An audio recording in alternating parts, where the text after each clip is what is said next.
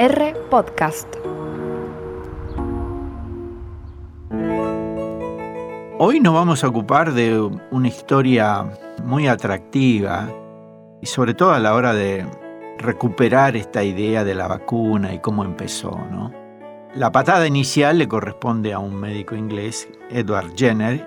Cierto es que no siempre la medicina tiene un éxito rotundo, pero acá se puede decir que sí. Juro por Apolo presenta Jenner, la solución en las manos. En líneas generales, la viruela se transmitía de persona a persona, o bien con ropas o mantas contaminadas con secreciones o las costras. Había un periodo de incubación, digamos, de un par de semanas y aparecían síntomas parecidos a la de una gripe. Pero unos días después se presentaban las vesículas rojas planas, primero en la boca, luego en la cara, finalmente los brazos, las piernas, las palmas y las plantas. Completo. Estas lesiones se ocupaban de secreciones que finalmente se secaban, dando lugar a las costras. Al decir de Osler, un gran maestro de la medicina, algunos pacientes podían convertirse en una masa irreconocible de pus goteante. Deliran por la fiebre y tienen un olor espantoso por la podredumbre que emana de su piel. Ya existía la idea de esta práctica de una exposición previa que se llamó la variolación. ¿Quién impulsó esta historia? Hay que situarse al principio del siglo XVIII.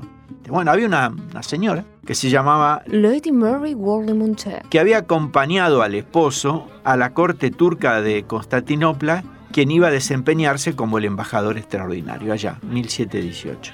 Entre las costumbres del país, Lady Mary observó esto de la variolación, donde un idóneo que portaba una cáscara de nuez Disculpe, señora, ¿me convida esa nuez? Oh, no, no, no. Es solo la cáscara. ¿Y por qué tiene una nuez vacía?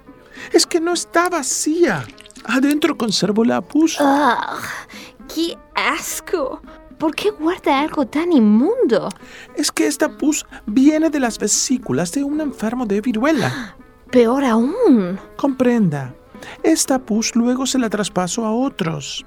O sea, los rasguñamos o con algún alfiler hacemos una suerte de lo que se llaman las escarificaciones y una vez hecho eso le aplicamos lo que traíamos en la nuez. Para contagiarlos. Está loca. No, no, no, todo lo contrario. Para prevenir de que se contagien. Al principio se pueden enfermar un poquito, pero luego tendrán más fuerzas para prevenirse de la viruela. ¿Es eso realmente posible? Convencida de la práctica, Lady Mary dispuso que a su hijo de seis años de edad le hicieran el mismo procedimiento. Charles Maitland, que era el médico del embajador, y Emmanuel Timony, el cirujano de la embajada, estaban presentes cuando el hijo de ella se le practicó la variolación a cargo de una anciana aguja de por medio. Durante la epidemia de viruela que se había desatado en Inglaterra en 1721, Lady Mary, que ya había vuelto de Turquía y ya estaba en Londres, solicita que inoculen a su pequeña de cuatro años y el médico que la había acompañado, Maitland, pensando por su integridad física, exigió la presencia de varios médicos como testigos. Estimados colegas, quiero que comprendan que yo haré este experimento solo a pedido de Lady Mary. Cualquier contratiempo que ocurra. Es mi responsabilidad, doctor. No se preocupe y proceda. Producido el brote de viruela, la niña salió ilesa, por lo que Maitland decidió inocular el único hijo que le quedaba, puesto que a los demás se lo había llevado la viruela. Coincidentemente con esto, también tuvieron lugar una serie de ensayos con la colaboración de la Real Sociedad y el Colegio de Médicos para evaluar la seguridad de esta inoculación. ¿Qué podemos seguir tomando para investigar? Bueno, buscaron seis delincuentes y fueron inoculados por Maitland el 9 de agosto de 1721 en presencia de al menos 25 testigos. El 6 de septiembre, casi un mes, el estudio se consideró un éxito y los presos fueron puestos en libertad.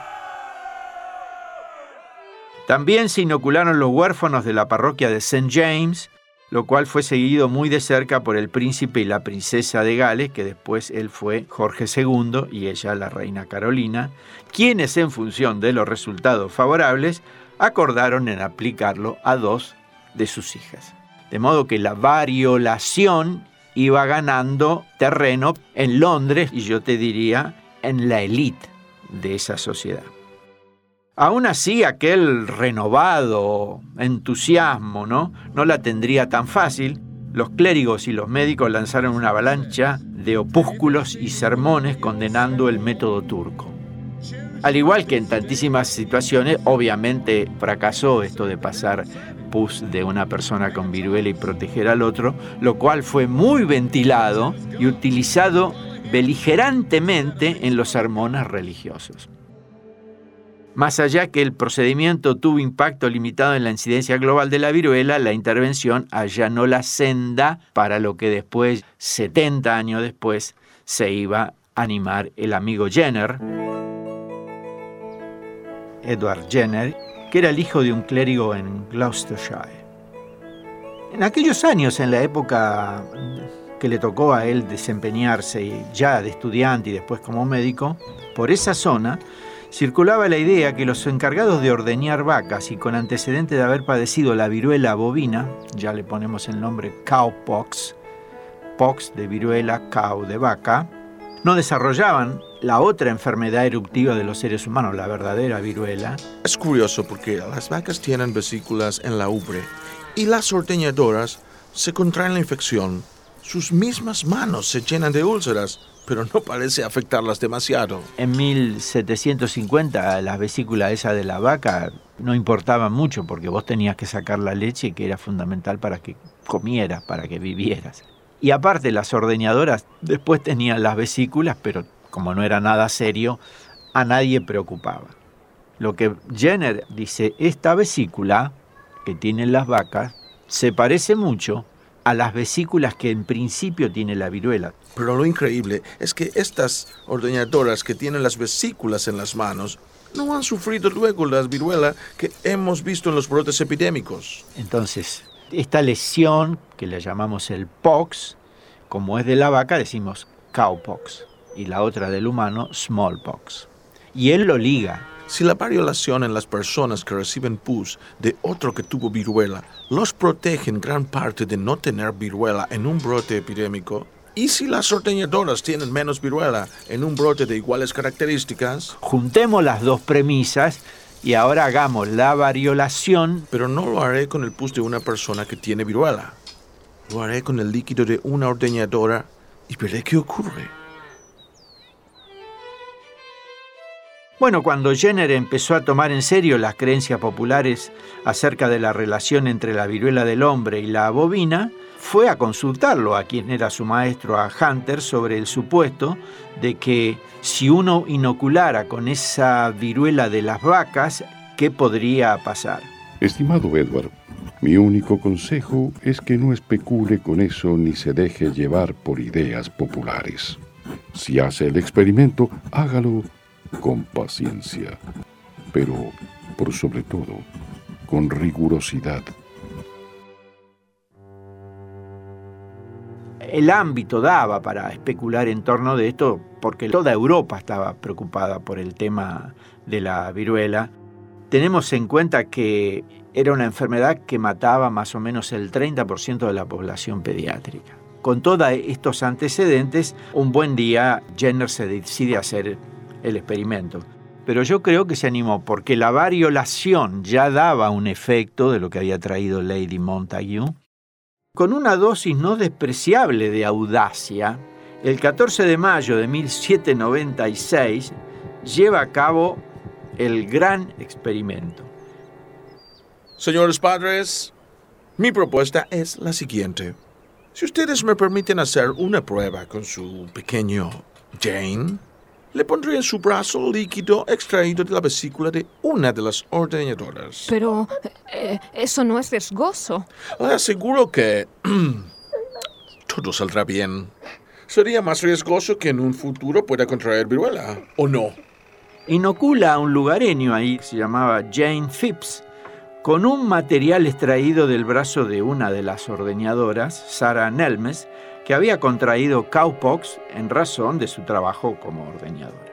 Una semana más tarde el niño se quejó de un leve malestar generalizado, aunque tras un par de días se había recuperado por completo.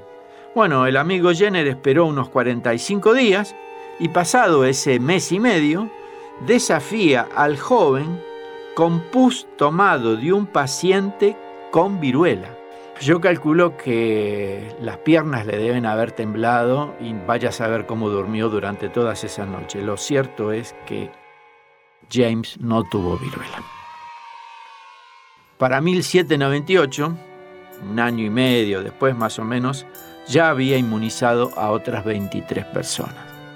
Y después de una serie de ensayos, todos exitosos, Edward concluyó Quien haya estado previamente expuesto a la viruela bovina se hallará a salvo de la viruela humana. Con el impulso que traía, no dudó en inocular a su propio hijo con secreciones de la viruela vacuna y luego probó la inmunidad hacia la viruela humana. De ahí viene el nombre de vacuna porque en realidad era una enfermedad de las vacas. Desde el punto de vista ético es un espanto, pero en el 2021 se hizo un experimento in vivo en, el Reino Unido donde unas 18 personas fueron inoculadas con COVID. Obviamente internados, cuidados, seguidos, este, con consentimiento, con toda una norma legal que lo regula, pero él tampoco la tuvo tan fácil, ¿no? Los críticos de Jenner insistieron que la transmisión deliberada de enfermedades de animales a los seres humanos era un acto repugnante, inmoral y aventurado. Incluso el filósofo británico Herbert Spencer llegó a manifestar que detestaba la vacunación obligatoria y desaprobaba la voluntaria. O sea que la cosa no empezó de ahora. Felizmente existieron unos cuantos más lúcidos que consideraron el procedimiento como uno de los descubrimientos más sustantivos de la medicina, efectivamente. La vacunación era sencilla, segura, barata y eficaz. Con una relación riesgo-beneficio claramente favorable, Pato Gallareta, en una década los galenos más emprendedores habían esparcido la práctica en todo el mundo y en 1802 y 1807 el mismo Parlamento, ¿eh? la Cámara de los Lores y los Comunes, lo subsidia para que pueda proseguir con sus investigaciones. La difusión del método de Jenner a toda Europa y las Américas a inicio del siglo XIX fue tan notable como las recompensas y honores que acumuló este, este buen hombre. ¿no?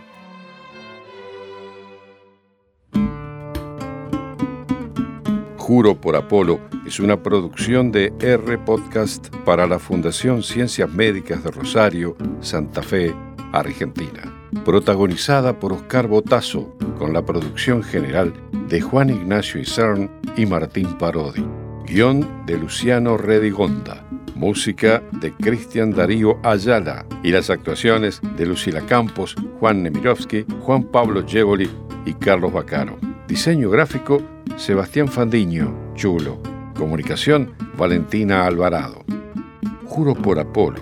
Forma parte del proyecto Medicina Lírica de la Fundación Ciencias Médicas, presidida por el profesor Dr. Alberto Muñagurria.